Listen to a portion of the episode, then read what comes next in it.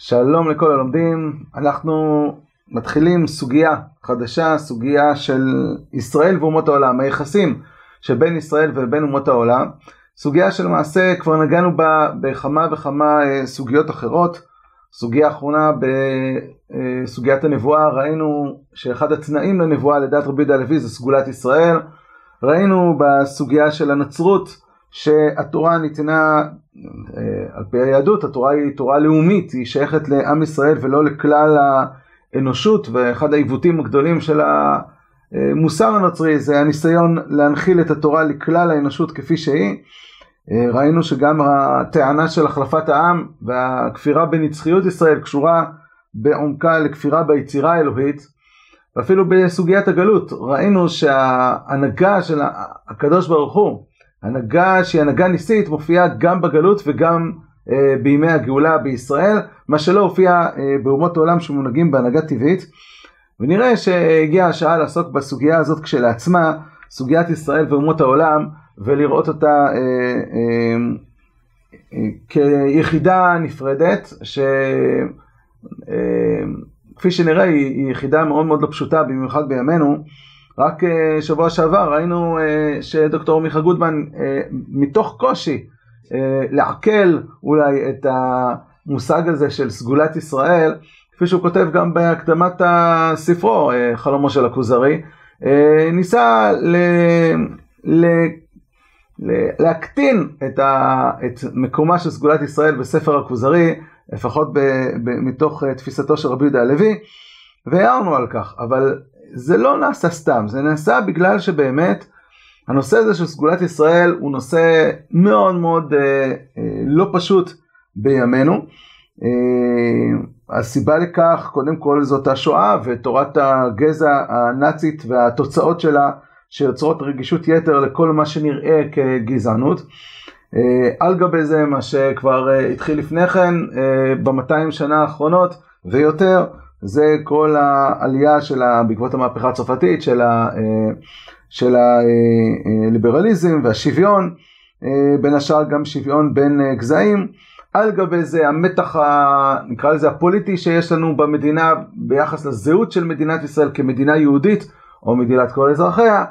ועל גבי זה מאבק ארוך שנים, מאבק בין דתי בין הנצרות והאסלאם לבין עם ישראל. בכלל במושג הזה של בחירה, של אה, עם נבחר. אה, אז יש לנו פה קומות על גבי קומות של רגישויות, ולכן הנושא הזה הוא נושא מאוד אה, נפיץ. אנחנו ננסה לראות את שיטת רבי יהודה הלוי, כבר נגענו בהרבה מאוד מקורות, אבל שוב פעם, כל פעם מסוגיה אחרת, ועכשיו אנחנו נראה את המקורות שכבר חלקם קראנו, אבל מתוך המבט של הסוגיה הזאת. מתוך אה, רבי יהודה הלוי נעבור למהר"ל ואחר כך נעבור לרמב"ם ולרמח"ל בסוגיה הזאת ואז נראה איזושהי תמונה שלמה אה, בנושא הזה. אה, בכל אחד מגדולי ישראל שעסקו בנושא הזה אנחנו נצטרך לשאול את עצמנו ארבע שאלות שהן קשורות קצת. השאלה הראשונה זה שאלת הנרטיב, זאת אומרת מה הסיפור ההיסטורי. האם הסיפור ההיסטורי זה שעם ישראל נבחר בגלל שהעולם נפל לחטאים והיה צריך איזושהי קבוצת איכות שתציל אותו, או שכבר בראשית הבריאה עם ישראל הובדלו אה, ונבחרו לעם אה, נבחר מיוחד בלי קשר למצבם של אה, אומות העולם. זו שאלה אחת. השאלה השנייה שהיא קשורה אליה זה מה הסיבה.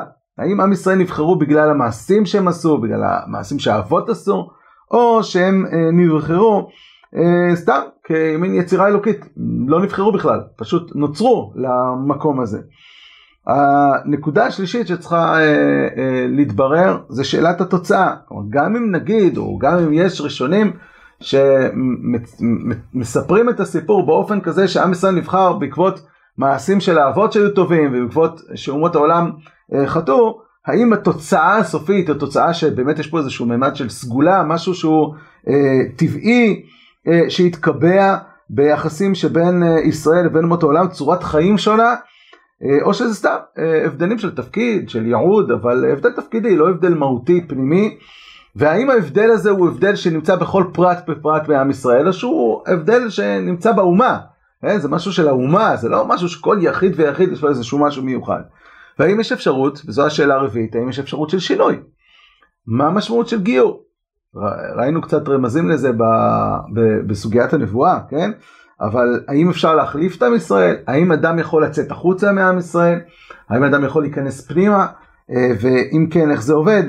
כל היסודות הללו, או כל השאלות הללו צריכות אה, להתברר, וכל פעם כשאנחנו נראה זווית מסוימת, נראה את רבי יהודה הלוי, אנחנו ננסה לחשוב מה בעצם רבי יהודה הלוי עונה לארבעת השאלות הללו, וככה גם ברמב"ם, רמח"ל ומהר"ל.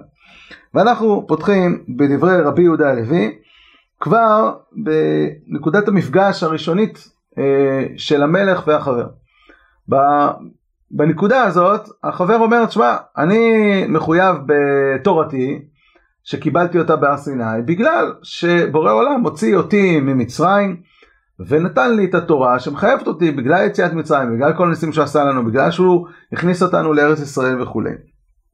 אומר לו המלך במקור מספר 1, כוזרי בסעיף כ"ו, אה, במאמר א', אמר כוזרי, לפי זה אין תורתכם מחייבת כי אם אתכם בלבד. יש פה אכזבה עצומה של המלך. המלך פותח את הספר במין ציפייה לחפש את, ה, את המקור המחייב אותו במצוות. כוונתך רצויה אבל מעשיך אינם רצויים, יש מעשים רצויים. ואני מחפש מה מחייב אותי במצוות, והנה אתה מספר לי סיפור שיש איזושהי תורה שלפני כן הנצרות דיברה עליה והאסלאם דיברה, דיברו עליה. ואני מגיע אליך ואתה אומר לי, תשמע, אני מחויב לזה ברמה הפרטית שלי, כי חוויתי יציאת מצרים, מתן תורה וכן הלאה, ואני, הכוזרי, לא חוויתי. אז איך התורה שלכם מחייבת אותי? שואל המלך. אומר לו החבר, אמנם כן, כל מי שנלווה אלינו מן האומות כיחיד, יביאהו מן הטוב אשר יטיב עמנו האלוה, אבל שווה לו ישווה אלינו. באמת? אם אתה רוצה, אם בא לך, אתה יכול להצטרף, אתה יכול להתחבר, אבל אפילו אם תצטרף ותתחבר, אתה לא תהיה שווה לנו. כאילו היה חיוב התורה מצד מה שהאלוה ברא את כולנו, היו שווים בה כל בני אדם, כשלבן, כשחור, כי כולם ברורה בדבריו. אם הנקודה המחייבת הייתה בריאת העולם, בריאת האדם, אז ממילא כולנו היינו מחויבים בתורה. אבל חיוב התורה עלינו הוא מצד מה שהוציאנו האלוה ממצרים. אנוכי השם אלוהיך אשר הוצאתיך מארץ מצרים ולא אשר ברעתיך. הנקודה המחייבת אותך בתורת, ובתורתי, אומר הקדוש ברוך הוא לעם ישראל, זה יציאת מצרים. אז זה לא מחייב את כל אומות העולם, זה מחייב את ישראל. אבל השאלה עולה, למה זה מחייב רק אתכם? אומר לו החבר, מצד היות לו התחברות עמנו בהיותנו סגולת בני אדם. כלומר, הסיבה שתורת אה, ישראל מחייבת רק את ישראל, יציאת מצרים זה לא, זה לא סיבה, זה הסימן. זה סימן לכך שאנחנו סגולת בני האדם, ולכן הקדוש ברוך הוציא אותנו ממצרים, התחבר אלינו ונתן לנו את התורה. נקודה בסיסית שממנה נובע הכל, זה שאנחנו סגולת בני האדם. כך אומר לו החבר. וזה הכוזרי מאוד מאוד כועס. אמר הכוזרי, רואה אני אותך היהודי מתהפך בדבריך, כי אחרי אשר כבר היה מאמרך נאה, שב להיות פגום. למה פגום? אז מה מפריע למלך? לא כל כך ברור, אבל אפשר להעלות ארבע נקודות. שלוש נקודות שמהתשובה של החבר נראה שהן יכולות להפריע, והשאלה או הקושי הרביעי, אולי קושי שהוא מאוד מאוד רלוונטי היום, כמו שאמרנו גם בהקדמה לשיעור. אז שאלה אחת היא השאלה התיאולוגית שמופיעה אצל המלך במפורש אה, בהמשך הסעיפים. וזה שתורה אלוהית, הייתי מצפה, אם היא תורה באמת אלוהית, שהיא באה לתקן את האדם, היא באה לתקן את החברה, היא הצדק האמיתי, אז היא אמורה לחייב את כל בני אדם. מה ההיגיון שיש לך כלי כזה גדול שיכול לתקן את העולם, ואתה, ואתה תיתן אותו רק לקבוצה מסוימת, זה לא הגיוני. תשובתה של רבי יהודה הלוי, כפי שנראה בהמשך, זה שיש לך טעות במגמה של התורה הזאת. תורה שירדה מן השמיים אין מטרתה לתקן את החברה. אין מטרתה לתקן את המידות שלך, ואין מטרתה לתת צדק לעולם. זה בשביל זה אפשר, בן אדם יש לו שכל, הוא יכול uh, בעצמו לבנות כל מיני חוקים uh, uh, והנהגות מדינה שיטפלו בזה.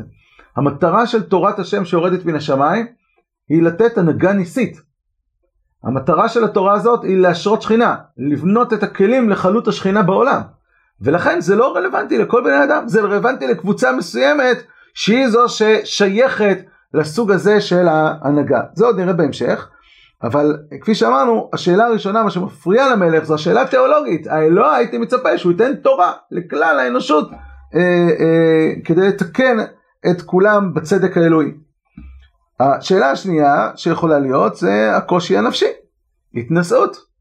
יש פה איזשהו אה, גאווה, גאווה כזאת, גאוות יחידה של איזה עם שבא ואומר אני עם סגולה, זה לא נראה טוב מבחינה מידותית.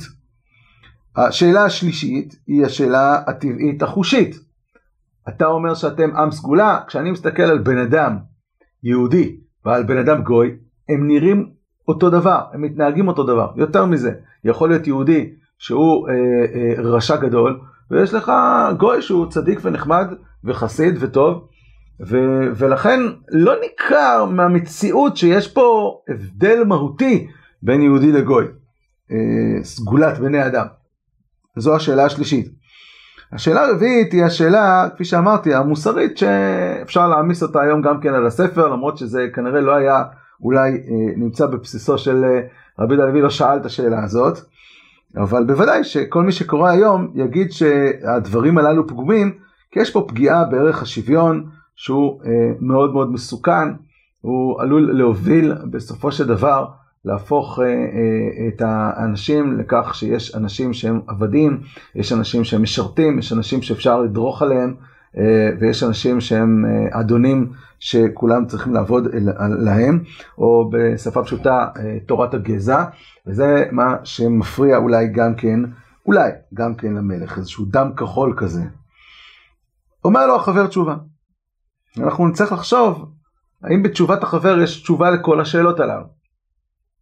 צייני נא ואבאר את הדבר בהרחבה ושב הפגום ביותר בעיניך להיות הנאה ביותר. אמר כוזרי ידבר כאוות נפשך. אמר החבר הלא תודה כי העניין הטבעי שממנו מתחייבים לקיחת המזון, הגידול, ההולדה, הם וכוחותיהם וכל תנאיהם יתייחדו בו הצמחים ובעלי החיים ולא האדמה והאבנים, המחצבים והיסודות. כלומר במילים אחרות ההבדל, יש הבדל בין הדומם לבין הצומח, בצומח יש כוח שלא קיים בדומם, כוח ההולדה, הכוח של, ה, אה, אה, של התזונה, של השכפול אם היינו יכולים לשכפל את הזהב ואת הנפט זה היה מצוין, אבל אנחנו לא, לא עושים את זה. אבל מה כן, העולם הצומח הוא עולם שמשכפל את עצמו, כן? אז אה, זה משהו שקיים בצומח ולא קיים בדומה. אמר הכוזרי, זה כלל הטעון פירוט, אולם אמת הוא. אמר החבר, והעניין הנפשי, שממנו מתחייבים תנועות ורצונות ומידות וחושים חיצוניים ופנימיים וכיוצא בהם, יתייחדו בו כל בעלי החיים. יש משהו שמציאות או קומת חיים שקיימת בחי ולא קיימת בצומח. וזה קומת החיים שקורא לה העניין הנפשי, היכולת להשיג מזון מרחוק, אה, מערך החושים, עולם הרגשות, כל הדברים הללו דברים שמצויים בבעלי החיים אבל לא, מצא, לא נמצאים בצומח, הצומח אין לו את הקומת חיים הזאת. אמר הכוזרי, אף זאת אין לדחות. אמר החבר, ואילו האדם נתייחד מכל בעלי החיים בעניין השכלי, שממנו התחייבות, תיקון המידות, ואחרי זה תיקון ענייני הבית, תיקון ענייני המדינה, וככה קמה האומנות, הנהגת המדינה, ואיתה החוקים הנוהגים במדינה. במילים אחרות, היכולת להנהיג קבוצה, היכולת ליצור דברים, לייצר דברים, לחדש דברים. הכוח השכלי שהוא קיים באדם, הוא ודאי לא קיים בבעלי החיים, יש לנו בעצם פה ארבע קומות שנמצאות במציאות הגשמית שלנו. במילים אחרות, אומר לו החבר, אתה בעצמך מודה שהעולם הוא לא שוויוני. כלומר, במדרגות החיים שקיימים במציאות יש דומם, יש צומח, יש חיים מדבר, ויש, זה קומות חיים שונות. אמר החבר, ומהי המדרגה למעלה מזאת? למעלה ממדרגת בני אדם. אמר הכוזרי בדרגת החכמים הגדולים. זה הפילוסופים שחושבים שהם נמצאים באיזושהי מדרגה בפני עצמה. אומר לו החבר, תשמע, זה לא מדרגה בפני עצמה. למה? כי זה עניין כמותי ולא איכותי. כי גם לנו יש חוכמה וגם להם יש חוכמה, הוא יודע קצת יותר. אמר החבר, אני מתכוון כי אם למדרגה מבדילה את בעלי ההבדלה עצמית, כהבדל הצומח מהדומם, כהבדל האדם מן הבהמה, אולי מבדלות ברב או במעט, אין לה גבול. הואיל ואין ההבדלה מקרית אלא, ואינה, אה, אה, הואיל והיא הבדלה מקרית ואינה מדרגה על דרך האמת. אין פה מדרגת חיים אחרת. אז אמר לו המלך, אז אין. בעולם החושים שלנו, יכול להיות שבעולם העליון יש, יש מלאכים, יש אה, זכלים נבדלים, כל מיני דברים כאלו, אבל בעולם החושים שלנו אין מדרגת חיים גבוהה יותר מאשר האדם.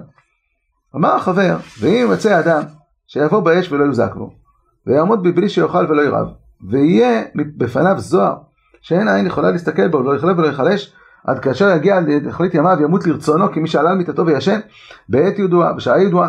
עם ידיעת העבר והעתיד, מה שהיה, מה שיהיה, הלא המעלה הזאת נפרדת בעצמה ממעלת בני אדם. אלה תוארי הנביא שלנו אשר עליו חולק, אשר על ידו נראה להמון התחברות העניין האלוהי בהם. עם שלם שמונהג בהנהגה ניסית, שהולך בים סוף, שיורד לו מן, שהולך 40 שנה במדבר בצורה הזאת, שאחר כך נכנס לארץ ומונהג בהנהגה ניסית גם בהתנהלותו בארץ ישראל, וכפי שראינו גם בסוגיית הגלות, אפילו בתקופת הגלות הוא מונהג בהנהגה אה, ניסית אה, מיוחדת, גם בענישה וגם בשמירה עליהם וכן הלאה. יש לנו פה קומת חיים אחרת, היא קומת חיים של התנהלות שלא לפי סדרי הטבע. אומר לו, אומר, אומר לו החבר, יש לנו פה קומת חיים חמישית. קומת חיים חמישית שהיא הקומה הניסית, או כמו שהוא קורא לה העניין האלוהי. יש את העניין הטבעי, יש את העניין הנפשי, יש את העניין השכלי, ויש את העניין האלוהי. בואו נחשוב אה, לאיזה שאלה זה תירץ. אז קודם כל, התנסות לא, ש... התנשאות לא שייכת כאן, כי כמו שאנחנו לא מתנשאים על בעלי החיים, כי ככה נבראנו וככה הם נבראו, זה ככה, ככה נוצרתי. להתנשא זה כאשר שני אה, יצורים אה, נמצאים באותה קומה ויש מישהו שמנסה עכשיו לדרוך אחד על השני או לדרוש ממנו כבוד אה, מיוחד על כל מיני דברים, זה התנסות. אבל כשהאדם מתנהג כבן אדם ובעל חיים מתנהג כבעל חיים, ככה הוא נוצר. אין פה ממד של התנסות, זה תיאור מצב. לך אל בורי שעשני, כמו שאומרת הגמרא שם בסיפור של האדם המכוער. אז זה זו, זו נקודה ראשונה. מה לגבי נקודה של ניכר או לא ניכר? האם ניכר ההבדל בין האדם, בין קומת בני האדם לבין קומת, ה, נקרא לזה סגולת בני אדם, העם המלאכי הזה? התשובה היא, בוודאי שכן. תלוי על מה אתה מסתכל. ברור שאם אתה תסתכל על הצומח ועל בעלי החיים, בקומה שקיימת גם לצומח וגם לבעלי החיים, כדוגמה, האם בצמח יש יכולת להוליד? והאם בך יש יכולת להוליד? שניהם יש להם יכולת להוליד. האם שניהם גודלים? שניהם גודלים. האם שניהם אוכלים? שניהם אוכלים. אם ככה אז הם אותו דבר. לא נכון. כי אתה עשה, עשית ניסיון של השוואה בתחומים שהם דומים בו. אבל תסתכל בקומה הנוספת שקיימת בבעלי חיים ולא קיימת בני אדם. האם הם שווים ביכולת שלהם להשיג מזון מרחות? האם הם שניהם שווים בחושים שלהם? האם שניהם שווים ברגשות שלהם? התשובה היא לא. כשאתה משווה את בני האדם, את, את אומות העולם וישראל, אל תשווה אותם בקומה ששניהם שווים. היכולת השכלית, היכולת המוסרית וכולי. תבדוק אותם בקומה שאותה אתה רוצה לבדוק, שזה הקומה האל-טבעית, הקומה הניסית. תסתכל איך התנהגו, אה, איך מתנהגים אומות העולם במהלך כל הדורות, בין עובדי האלוה, בין לא עובדי האלוה, ואיך אתה ההתנהגות של עם ישראל, של האומה הישראלית. איך היא מתנהגת בהיסטוריה, ואתה תגלה שגם הנצרות וגם האסלאם כולם מסכימים למעשה שההנהגה הניסית הופיעה בישראל בצורה גלויה במשך המון המון שנים, וגם ממשיכה להתגלות גם בתקופת הגלות. אז אם כן, אומר אה, רבי יהודה הלוי, גם לשאלה של הניכר או לא ניכר, ניכר, זה לא פגום, באמת רואים הבחנה מהותית של אה, אה, קומת חיים שונה לגמרי. מה לגבי אה, אה, השאלות הבאות, אה, הקודמות, מה, מה שאלנו עוד? שאלנו ביחס אה, שאלה תיאולוגית, אז בעצם כבר ענינו, כן? אה, שזה נראה בהמשך, בעצם זה נמצא בסעיף ק' וסעיף קא, אומר אה, המלך, למה לא ניתנה התורה לכל בני אדם? אומר לו רבי יהודה הלוי, אם אתה מבין שהתורה באה לתת הנהגה ניסית, הנהגה של חלות השכינה, הנהגה בעצם של, אה, שמה שמנהיג את, ה, את הקבוצה הזאת זה לא ענייני הטבע, אלא העבודת השם שלהם, ממילא זה לא שייך לכל בני אדם. זה כמו שתשאל אותי למה אה, לא, לא מתאים הסדר של בני אדם לבעלי החיים. כן, תתחיל אה, אה, להתארגן איתם, לתת להם אה, אה, דברים, כן, לנסות ולהושיב אותם לאכול עם סכין ומזג, זה לא מתאים להם, זה לא שייך אליהם בכלל. אם אתה תעשה את זה, אתה סתם מענה אותה. מה אתה רוצה עכשיו מהכלב שאוכל עם, אה, עם סכין ומזלג? זה לא מתאים למציאות החיים שלו, לקומת חיים שלו. אותו דבר, התורה לא שייכת לקומה הרביעית, היא שייכת לקומה החמישית, וממילא זה לא רלוונטי השאלה. מצד השאלה הרביעית והאחרונה, והיא השאלה הגזענית, השוויונית, הפחד בעצם מיחסי עבדות וכולי, אז כמובן השאלה היא מה התוצאה של האמירה הזאת. ואפשר להתייחס פה לשלוש נקודות, אבל אתם מבינים שרבי יהודה הלוי לא מתייחס. כלומר, להפך, התשובה של רבי יהודה הלוי על חמשת המדרגות רק מקצינה עוד יותר את הפחד מגזענות. כלומר, מה שחשבנו, אתה אומר את זה בצורה הכי קיצונית שיש, יש פה מין חמישי בעולם, אז אתה הכי גזעני שיש, נכון?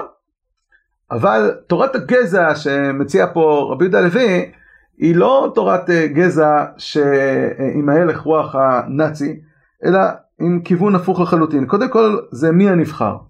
האם מי שנבחר זה האנשים החזקים, פיזית ונפשית וכולי, והם שולטים בחלשים ומנהלים אותם בתור עבדים, או מי שנבחר זה דווקא קבוצה חלשה, כן? כי אתם המעט מכל העמים, גם בתוך עם ישראל. אז הקדוש ברוך הוא בוחר בכהנים ובלוויים שמנושלים מרכושם. הקבוצה הנבחרת היא דווקא הקבוצה החלשה, כי בעצם התפקיד שלה זה לתת את המוסר, לתת את הקדושה, לתת את הטהרה, ולכן הבחירה היא דווקא בחירה של עם שהוא לא חזק, הוא לא המתנשא שמסוגל בסופו של דבר לפגוע אה, מכוח ההתנסות שלו באחרים. זה אחד. ומכאן ממילא גם לא רק מי הנבחר אלא מה היחסים. היחסים הם לא יחסים של לשעבד את התחתון, אלא הפוך. תורת הסגולה הישראלית יוצרת דרישות, יוצרת מחויבויות, ערבויות. אתה ערב לאומות העולם, אתה משועבד לאומות העולם, אתה אמור להשפיע ולתקן עולם. יש לך יותר אחריות ותביעה מוסרית, אה, אה, כפי שראינו גם בסוגיה של הלאומיות והאוניברסליות. השאיפה שלנו היא שאיפה אוניברסלית ולא שאיפה לאומית, ומכאן אנחנו מגיעים לנקודה השלישית, זה מה התכלית של הבידול. תכלית הבידול זה לא להשתמש בקבוצה מסוימת ואז להעלות אותה למשרפות כשהיא כבר לא משרתת, ה, אה, לא משרתת אותך, אלא בדיוק להפך. מטרת הבידול הישראלי היא לתקן עולם, כפי שראינו בסוגיית המוסר הנוצרי, ראינו שהמטרה של הבידול סופה אה, להעלות את כל המציאות דרך ההתמודדות של עם ישראל שהם מתמודדים בעבודה המוסרית שלהם. אז אם כן, יש פה פער עצום בין תורת הגזעיות, תורת הגזע של אה, הנאציזם ודומיו, לבין אה, מה שמציב פה רבי יהודה הלוי גם פה וגם במאמר שני, דברים שכבר ראינו בשיעורים אה, בעבר. הסוגיה הזאת שיש מדרגות במציאות, הם לא, זה לא מסתיים פה בעולם הגשמי שלנו. אומר הרב קוק בהוראות הקודש אה, ג', מוסר הקודש, אומר כך, בהדרכת הכלל באה במקומה הבדלה כיתתית, הבדלת שבט הלוי ביסוד האומה, הבדלת הכהונה מתוכו, בזמנים מאוחרים הבדלת החברים מעמי הארץ, ובכלל, הרי הוא התוכן הרחב של הבדלת ישראל מן העמים, והרחבה יותר קדומה, הבדלת האדם מכל הבהמה והחיה, על ידי הגדרה של חלקים מיוחדים, תורות ומסת נפש מיוחדות, שבהם עומד, העול, עומד עולמו הפנימי האנושי, המתנשא למעלה למעלה, ולמעלה למעלה בעולם הרוחני, האצלת האורות, הפרדת השכלים, הבדלת העולמים, כלומר, יש לנו מדרגות בעולמות העליונים, כמו בעולמות של עולם העשייה, ועולם היצירה, ועולם הבריאה, ועולם העצויות, יש מדרגות בעולמות המלאכים, השכלים הנבדלים, יש קומות שונות במציאות, זה לא מתחיל פה, גם בתוך עם ישראל יש קומות שונות, יש ישראל, יש לוויים, יש כהנים, יש חברים, יש מדרגות אה, ממדרגות שונות, למה? כי ככל שאנחנו דורשים מדרגה עוד יותר גבוהה, אז יש קבוצה עוד יותר קטנה שמסוגלת לזה, והיא מברכת את כולם. אומרת התורה לעם ישראל ויחסם אל הכהנים וקידשתו כי את לחם אלוהיך הוא מקריב. קדוש יהיה לך כי קדוש אני השם מקדשכם. אתם רוצים להתקדש?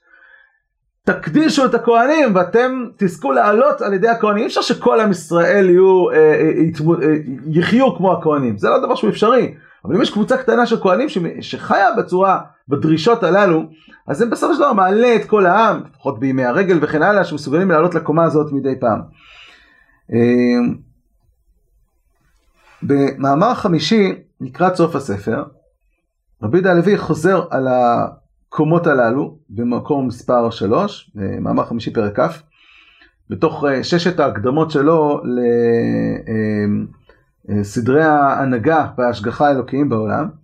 אז הוא אומר ההקדמה הרביעית, הקדמה הרביעית ההודעה, כלומר האמונה ב, כי למציאות, למציא, למציאות מדרגות עליונות ותחתונות, יש מדרגות במציאות. וכל מה שיש לו הרגש והשגה וחוש, בני אדם, מעולה מאשר אין לו זה, כמו למשל בעלי החיים. בעבור קרובתו במדרגת הסיבה הראשונה שהוא השכל בעצמו, יותר קרובים לאלוקים. וכך הפחות, הפחות שבצמח יותר מעולה במדרגה מן המעולה שבמוצאים. כלומר, הכי נמוך במדרגת הצומח הוא יותר גבוה במציאות החיים שלו מהכי גבוה בעולם הדומם.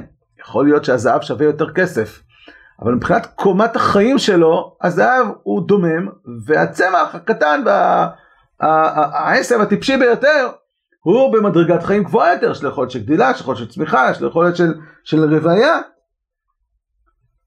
והפחות שבבהמה יותר מעולה במדרגה מן המעולה שבצומח. וכן הפחות שבבני תורת האלוהים, עם ישראל, יותר מעולה במדרגה מן המעולה שבאומות העולם, שאין להם תורת האלוהים. כלומר, אם תיקח יהודי הכי גרוע שיכול להיות, כופר, רוצח, שודד, נואף, מחלל השם, ותיקח גוי, שהוא גוי טוב, המעולה שבגויים.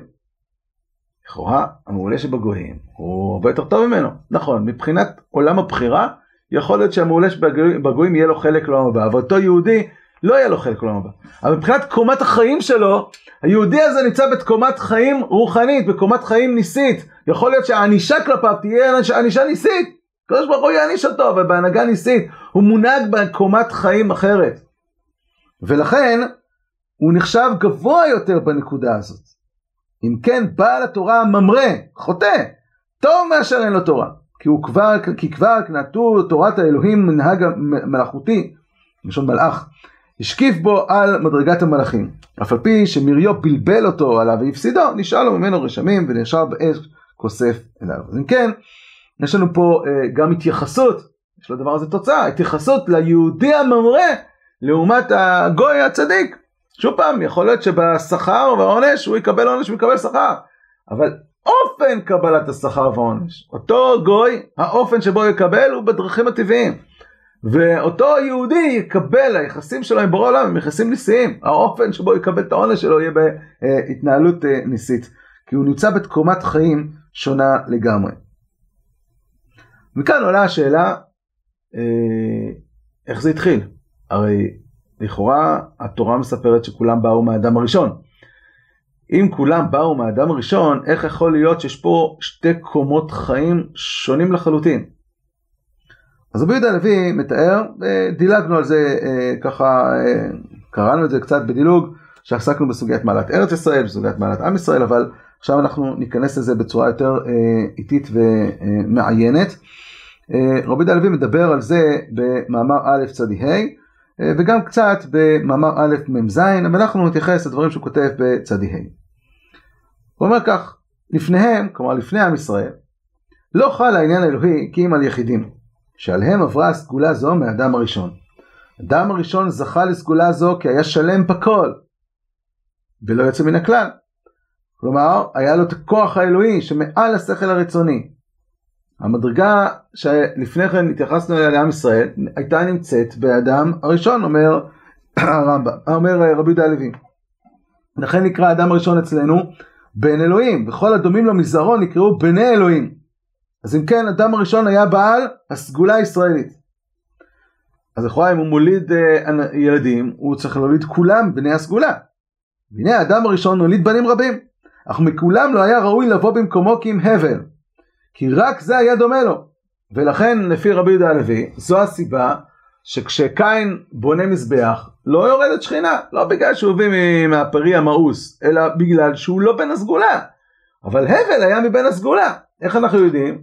כי בהמשך כתוב שאחרי שהבל נהרג, אז uh, כתוב שחווה מולידה את שת, כי שת לי אלוהים זרע אחר תחת קין כהרגו הבל.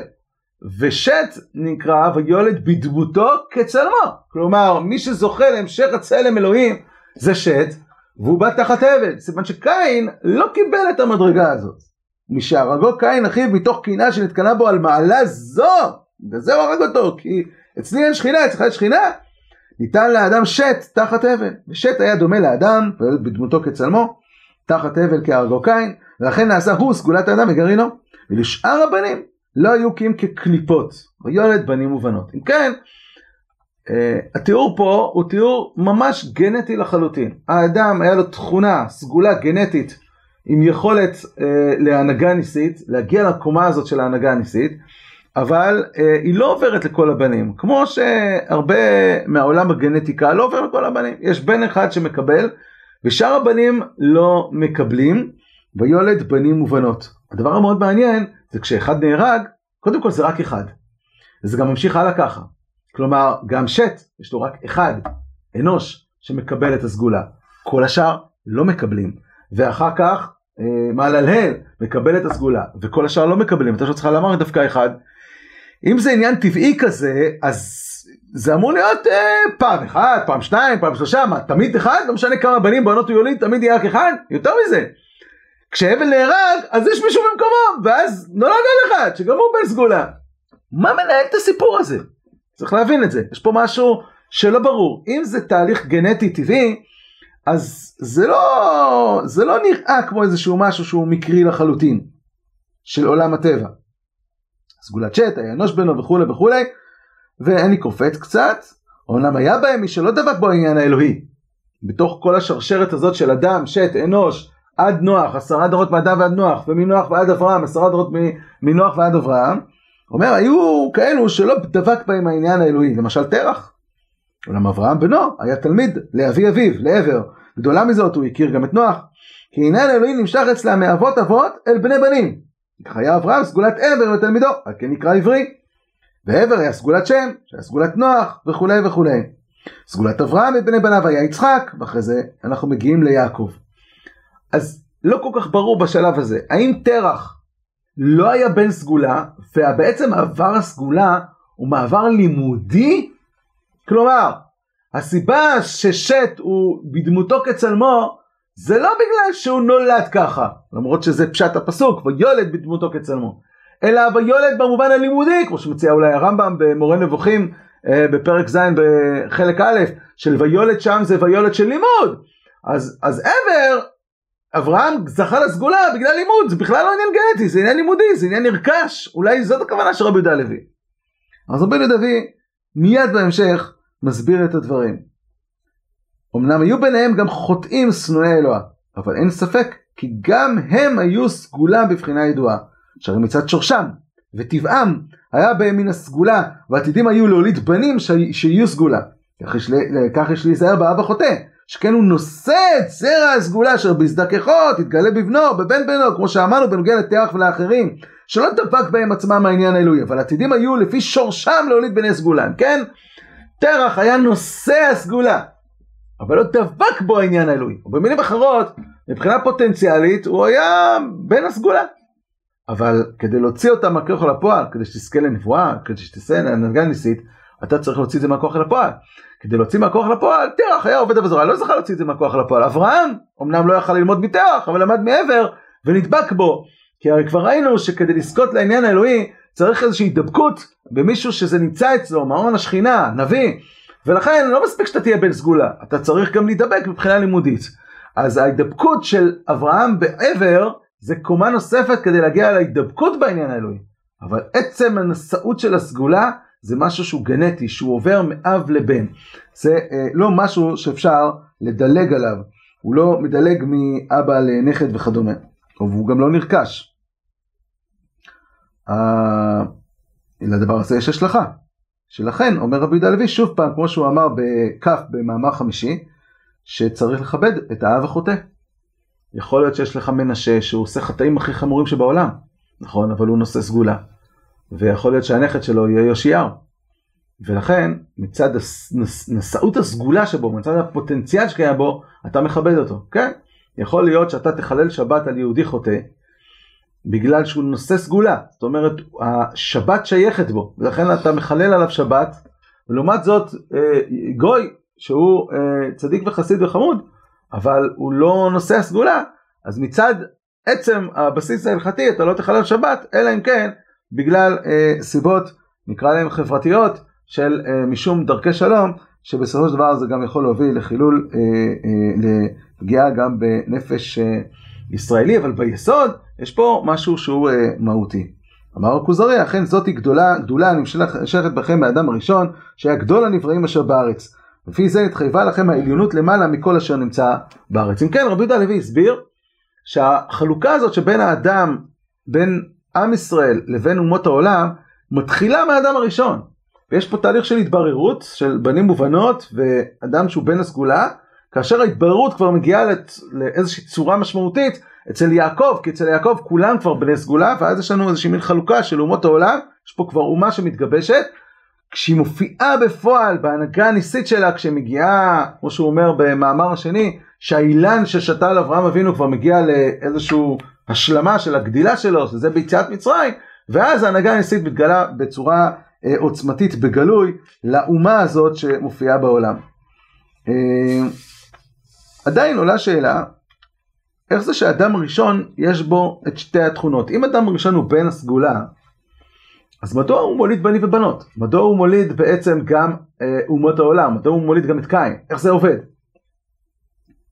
מאוד מעניין אה, דבריו של הנציב בעמק דבר, מקור מספר 5, בפרשת בראשית, על המילים נעשה אדם. אומר הנציב, לא, לא אמר השם נעשה נפש חיה כדמותנו, ואחר כך יקרא אדם. כלומר, קודם כל הוא יוצר את הדבר הזה, הוא קורא לו בשם. כמו שכתוב באמת להלן ה' ב', ויקרא שמם אדם. אבל לשון נעשה אדם, משמע הוא שאין צריך קריאת שם, אלא תכונתו מורה שהוא אדם. אבל אם כן קשה, מה כתיב אחר כך שקרא שמם אדם? תחליט. אם הוא בעצמו במדרגת אדם, למה צריך לקרוא לו אדם? משמע שנצטרך לקריאת שם. כמו בריאת השמיים והארץ. אלא כך הדבר, דמשונה האדם מכל המינים, וכל המינים נבראו באופן שכל מין שווה בתכליתו ובתכונתו. מה שאין כן האדם עלה במחשבה שיהיה בשתי תכונות. האחת שיהיה דבוק באלוהיו, עומד ומשמש בארץ כמלאך בשמיים, והשנייה שיהיה מדיני, עושה צרכיו, טיפוס חברתי. יכול להיות גם כן עושה רצון השם, אבל אינו במעלת הראשון. ובמילים אחרות אומר uh, הנציב, בתוך השפה של בריאת העולם אנחנו מוצאים שהקדוש ברוך הוא מכניס באדם שתי תכונות. האדם הראשון היה בעצם, היה לו שתי תכונות, כמו שלפעמים אה, בגנטיקה אדם בעצם אה, נושא גנים אה, רציסיביים, גנים דומיננטיים, הוא נושא גנים שונים. האדם הזה נולד עם שתי תכונות. תכונה אחת של אדם מדיני חברתי, יכול להיות אדם צדיק וחסיד, אבל כל הקומת חיים שלו היא קומת חיים של עולם הטבע. החברה, העולם השכלי, ולעומת זאת אדם שהוא כמלאך בארץ, שהוא שייך להנהגה הניסית, והם שתי תכונות שנמצאות באדם אה, הראשון. אז יוצא, אם אנחנו מסכמים לפי רבי יהודה הלוי, בשאלות שפתחנו בהן, אז השורש שמפריד בין עם ישראל לבין אומות העולם הוא שורש טבעי, הוא בעצם יצירה של מין אחר במציאות, זה יצירה אלוקית שמתחילה כבר בבריאת העולם, ולא בגלל איזושהי נפילה לחטאים של העולם או משהו מעין זה, כמו שנראה אה, שיעורים הבאים אצל אה, חכמי ישראל האחרים. אה, וממילא זה משהו שייך בכל פרט מישראל, זה לא משהו, נכון שזה מופיע בפועל בכלל האומה, אבל בעצם זה, הכלל האומה זה אוסף הפרטים של כל אחד מהם נולד מאבא שזכה לגן הזה, וזה מעביר, עובר הלאה לבן הבא. ככה, ככה זה מתואר. מה יסוד החילוק שבין ישראל לבין אומות העולם? חלות העניין האלוהי, השראת השכינה, ההנהגה הניסית על עם ישראל. אמ, נשיאת הסגולה לא תלויה במעשים, זה משהו גנטי, אבל להוציא את זה מהכוח אל הפועל דורש מעשים, דורש לימוד, דורש, כפי שראינו, המון המון תנאים כדי להוציא את זה לפועל. ראינו שרשעים שבישראל יש להם צד מסוים בזווית ראייה הסגולית שמעולים יותר מהצדיקים שבאומות העולם, לפחות מצד הפוטנציאל הטמון בהם, אתם מבינים שממילא אין אפשרות להחליף את ישראל וגם עולה ממילא שאלה של מה זה גרות, וכבר בעצם רבי דלוי אמר, הגר הוא מצטרף לקולקטיב הישראלי, אבל שווה לו ישווה אלינו. הטוב אשר היטיב השם לנו והיטבנו לך. אתה מתחבר אלינו אז אתה מקבל מהטוב האלוקי, אבל בעצם הטוב האלוקי זה יחסים שבין ישראל לבין אומות העולם. אתה מצטרף מבחוץ. אה, כי אין אפשרות, זה משהו שנולדת איתו. הנקודה המשמעותית בפיצול שבין ישראל לאומות העולם זה בני יעקב, ואחר כך כהופעה יציאת מצרים. אנחנו אה, אה, שואלים על רבי יהודה הלוי כמה שאלות ובזה אנחנו עוצרים.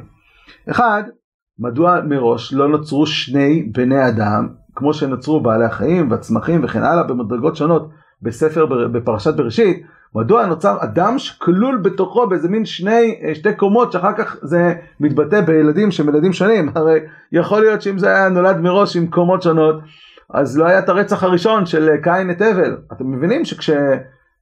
נולדים שני בנים למשפחה אחת, אחד בעל סגולה ואחד לא בעל סגולה, זה דבר שהוא אה, הוא נראה לא טוב, הוא מוליד את הקנאה ואת השנאה. אז זו נקודה אחת. שתיים, שאנחנו צריכים לשאול, למה זה נוצר בצורה כזאת?